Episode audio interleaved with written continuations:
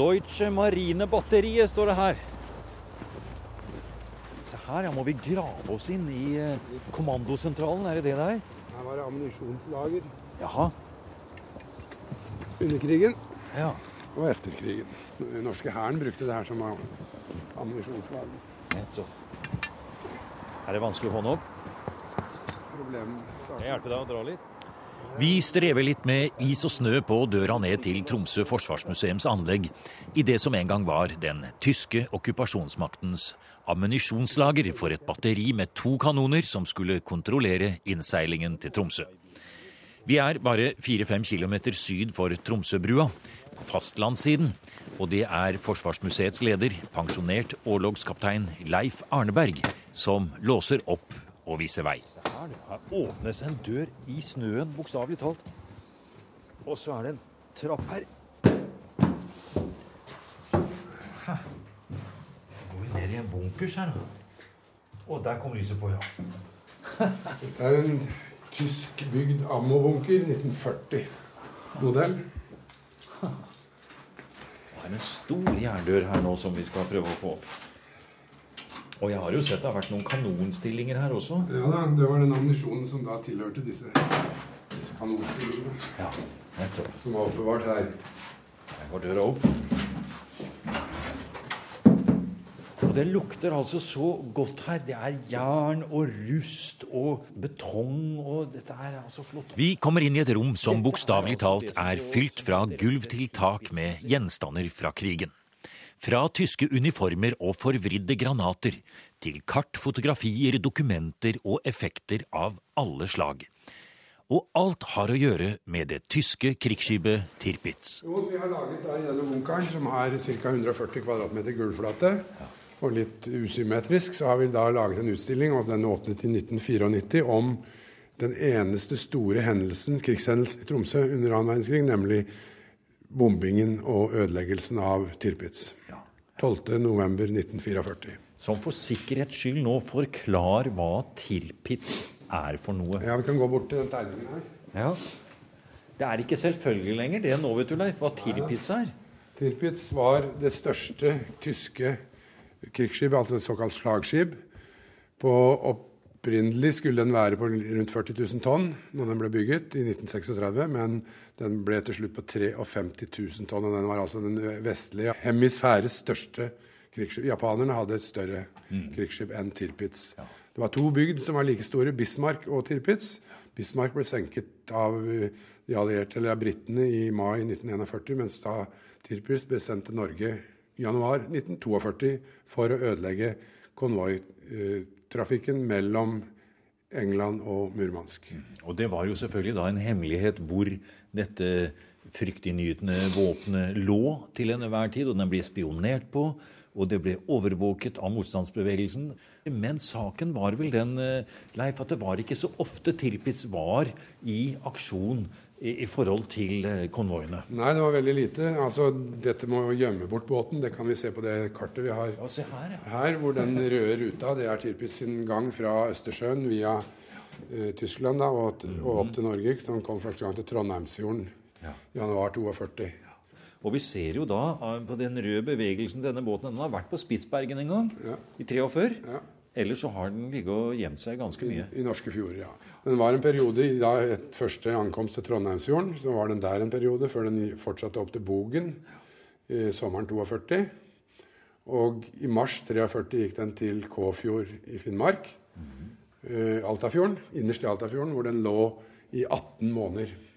Og det har litt med drivstoff å gjøre. Og jo lenger borte fra sentrum, jo mindre ressurser fikk du tildelt. Og Men- sånn ble det også med ja. Tirpitz. For lite drivstoff til å trene og øve. Nettopp.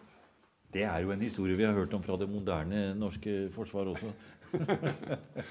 det er en annen historie. Historien gjentar seg. Ja, Nå er jo du Leif Arneberg på Tromsø forsvarsmuseum forteller om hvordan Tirpitz var midtpunktet i den store tyske marinebasen, som ble etablert i Kåfjord ved Alta.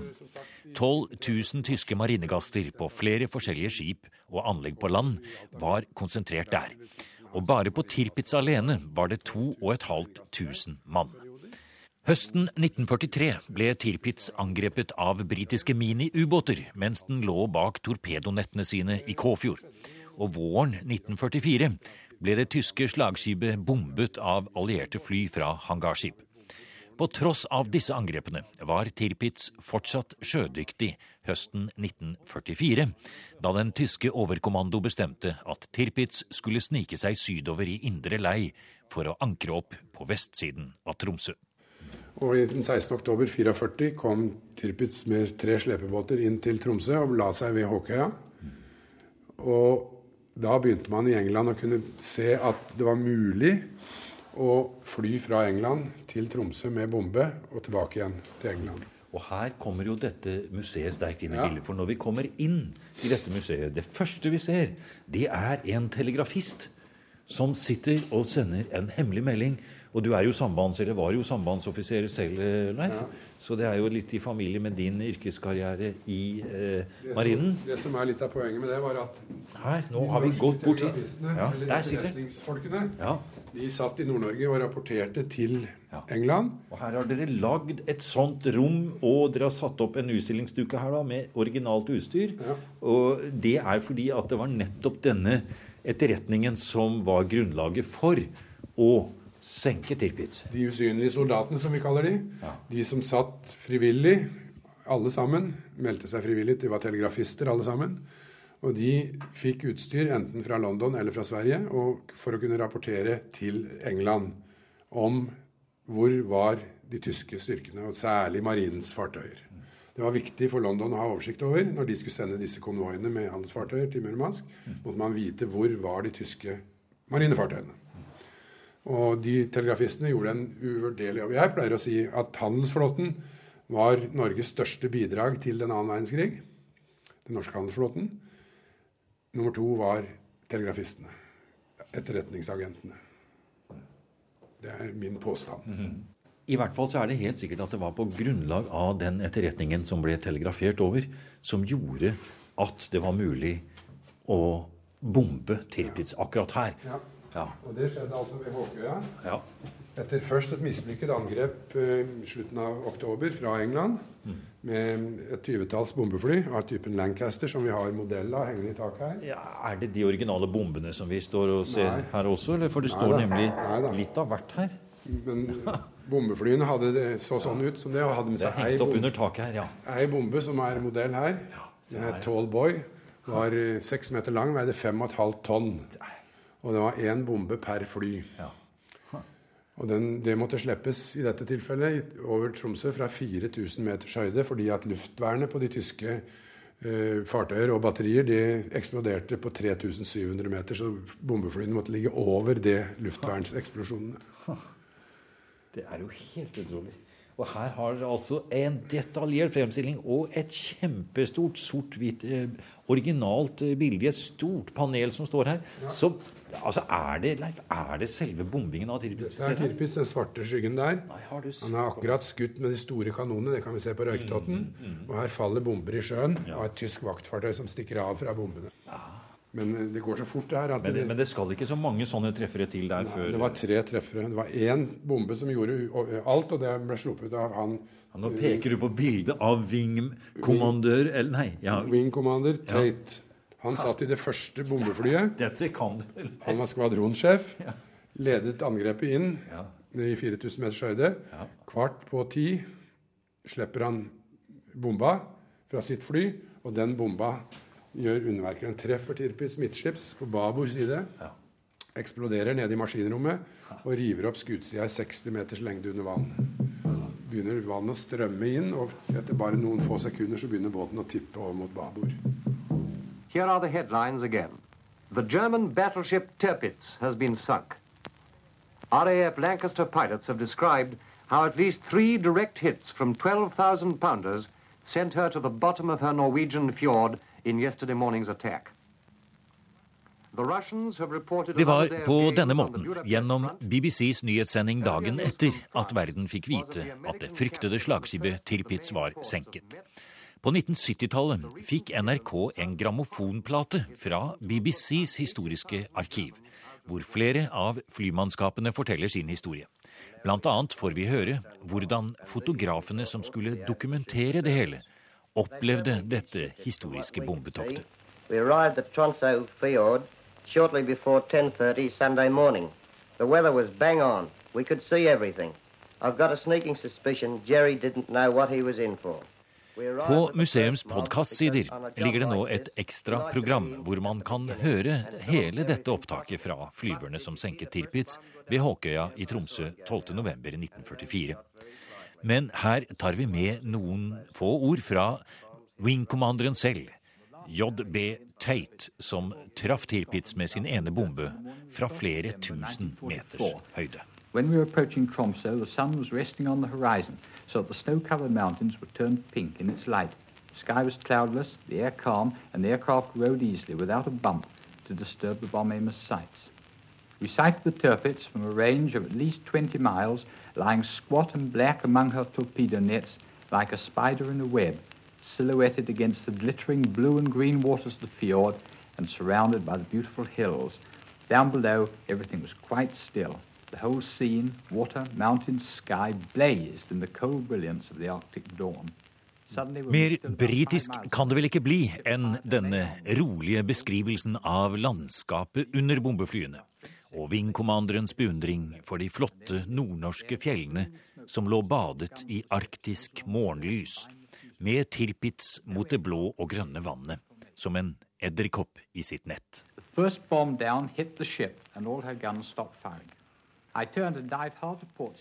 Men så slapp bombeflyene sine 5,4 tonn tunge bomber, og det var nok at én av dem traff. Det tar elleve minutter fra den bomba til Tate treffer, til båten tipper rundt og blir liggende med bunnen i været.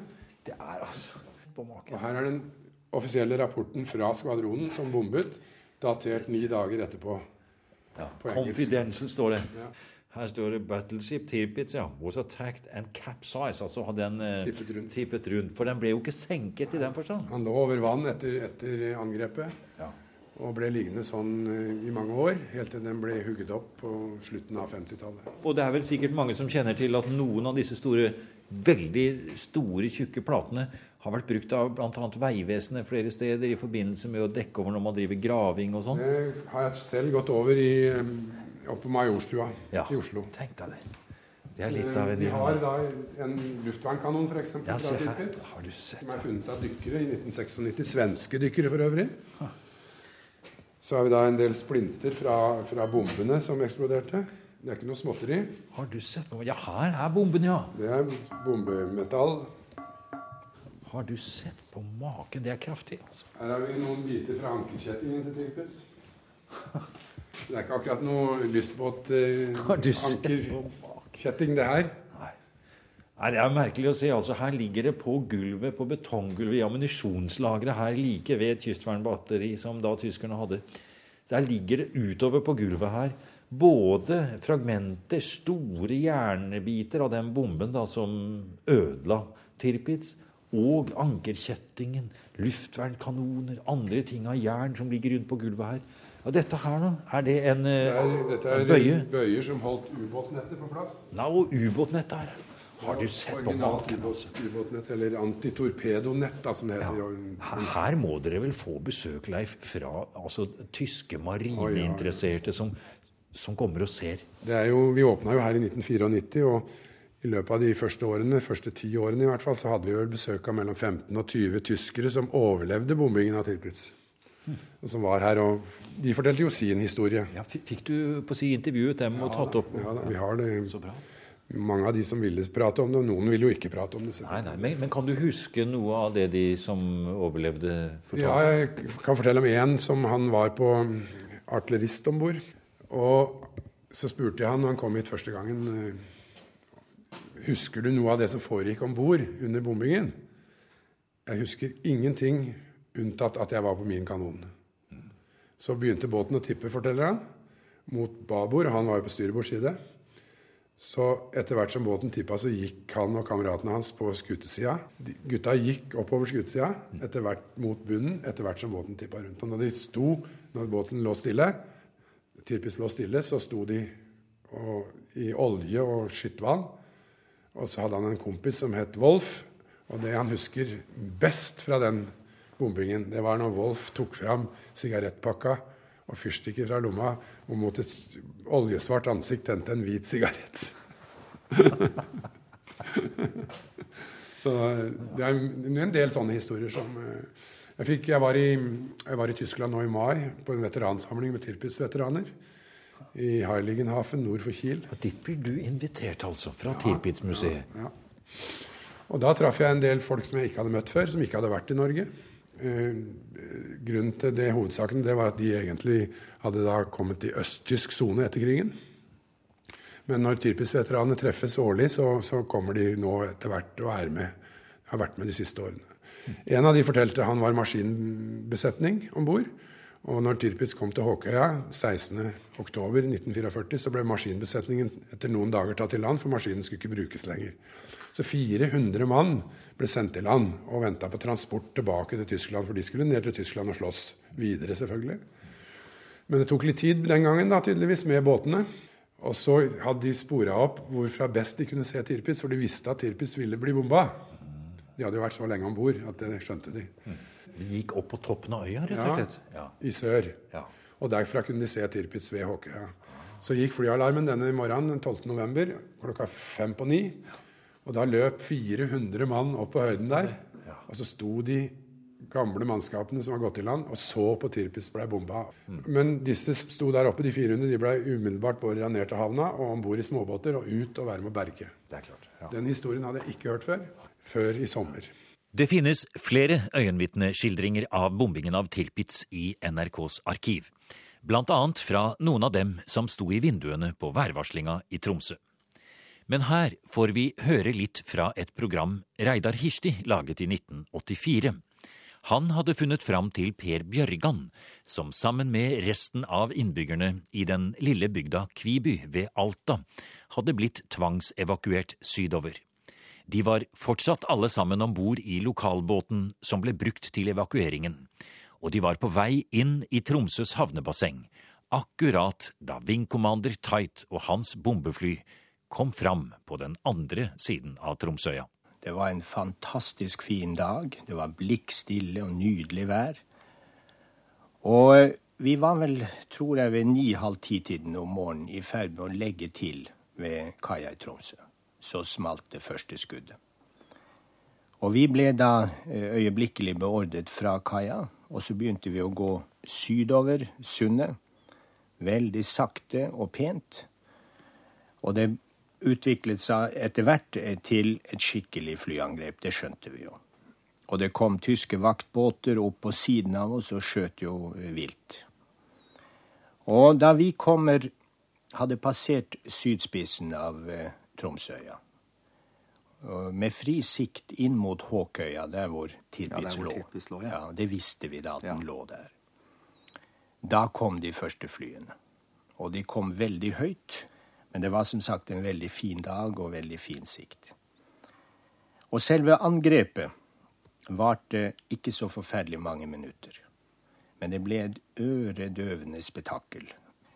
Men etter hvert som bombene begynte å falle, så ble det mye røyk og mye damp, sannsynligvis, og, og båten forsvant etter hvert i, i, eh, Ja, vi kunne simpelthen ikke se det gjennom røyken. Og det jeg nok husker aller best, det er den enorme eksplosjonen som kom. Eh, det er siden sagt at det var et av ammunisjonsmagasinene som gikk i lufta.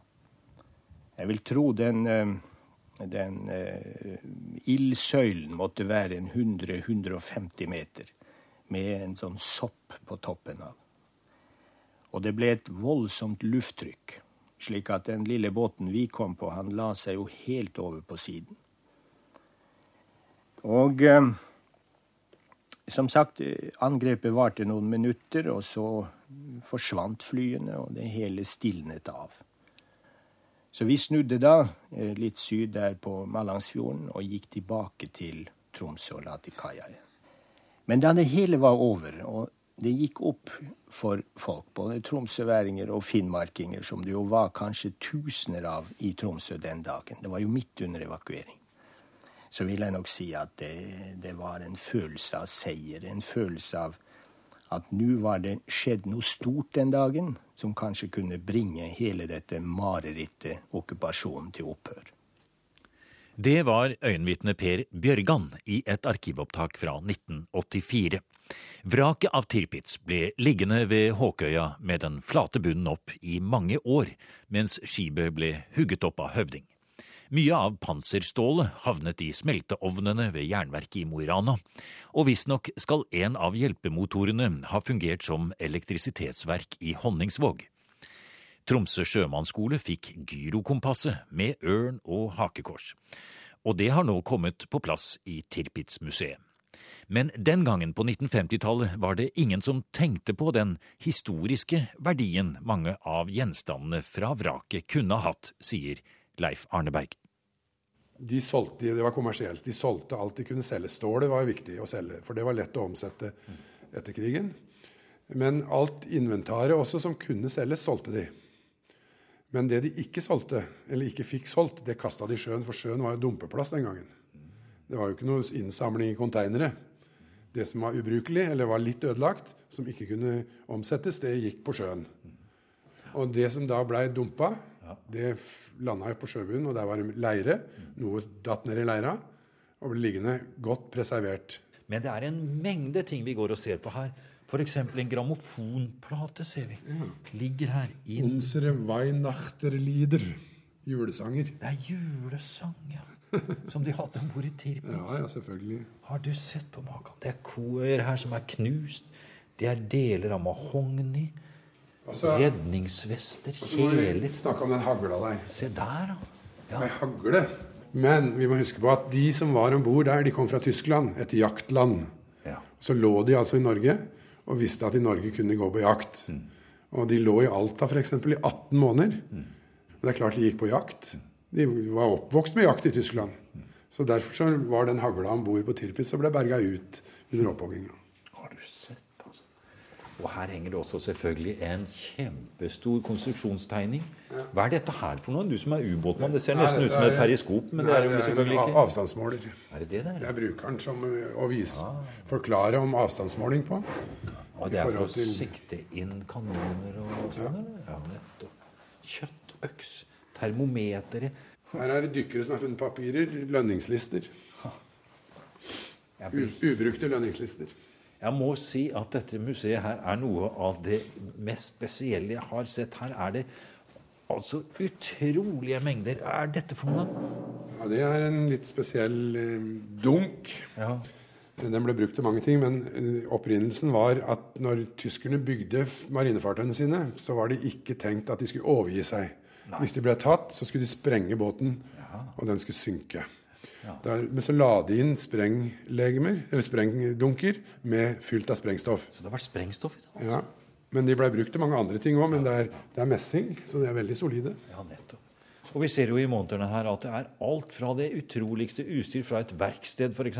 bor, eh, tenger eh, og ja, røykdykkerutstyr, ja, og til selvfølgelig svastikar og store, flotte flagg med hakekorset på, eh, hjelmer, eh, uniformsdistinksjoner. Par, var dette et par, par, lærbukser? Ja, tyskerne jo, har jo vi alltid visst at tyskerne likte lærklær. Ja. Og om bord på marinens fartøyer, på, i hvert fall på Tirpitz, så hadde det var to kategorier personell som gikk med lærklær. Det var maskinistene, i fall det skulle bli stimlekkasjer og bli spruta stim på. Og artilleristene. fordi at Artilleristene de tok imot hylsene når de kom ut fra ja, etter skyting, og da var de varme. Jeg må jo bare stille deg det spørsmålet. Altså, det, altså, hva er det som gjør at du først tilbringer et helt liv i Forsvarets tjeneste, i Marinen, og så, når du er pensjonist, så kaster du deg inn i det og er en kjent debattant her i Tromsø for alt som har med krigshistorie å gjøre. Hva er det som driver deg i dette? Det er kanskje vanskelig å sette ord på alt det, men, men et av utgangspunktene var at jeg så at Tromsø var i ferd med å miste krigshistoria si. Altså det var ingen som ville ivareta noe lenger. Og det var et av de tingene vi satte i gang med, som jeg tok initiativet til på, på 90-tallet. For å berge krigshistoria. Eh, I tillegg så ville jeg berge krigshistoria for at de oppvoksende slekter skulle vite om at det hadde vært en krig i Tromsø og i Norge. Eh, det syns jeg er veldig viktig, fordi vi har lett for å glemme det. Og jeg, skoleverket har ikke vært veldig flinke til å ivareta det, syns, syns jeg. Så det er de tingene. Men det er også det at etter hvert som jeg satte i gang med det her, så ble jeg jo kjent med veldig mange mennesker. Ikke minst har du akkurat nevnt de tyske veteranene fra Tirpitz. Men jeg har også et veldig forhold til engelskmenn som har vært med her. Både i lufta og på sjøen og under vann. Fordi miniubåtene som angrep Tirpitz i Kåfjord høsten 1943, der har jeg møtt flere av de veteranene. Jeg ble invitert dit også, på en veterantreff i 2001 i England, som eneste utenom Veteranforeningen. Den eneste som fikk lov å være med der utenom veteranene sjøl. Og det, gjorde, det, ble jeg fordi jeg hadde drevet med det her. Men vi, nå i mars, allerede i mars nå, så har vi fått bestilling fra fire cruisefartøyer, engelske cruisefartøyer som skal komme hit og besøke oss. Det skjønner jeg virkelig. Så de er, vi er ute i verden, altså. Men, ja, for en opplevelse det må være å Du har nå hørt programmet Museum som podkast fra NRK. Museum sendes i NRK P2 på lørdager og søndager. Du finner flere programmer på nrk.no podkast.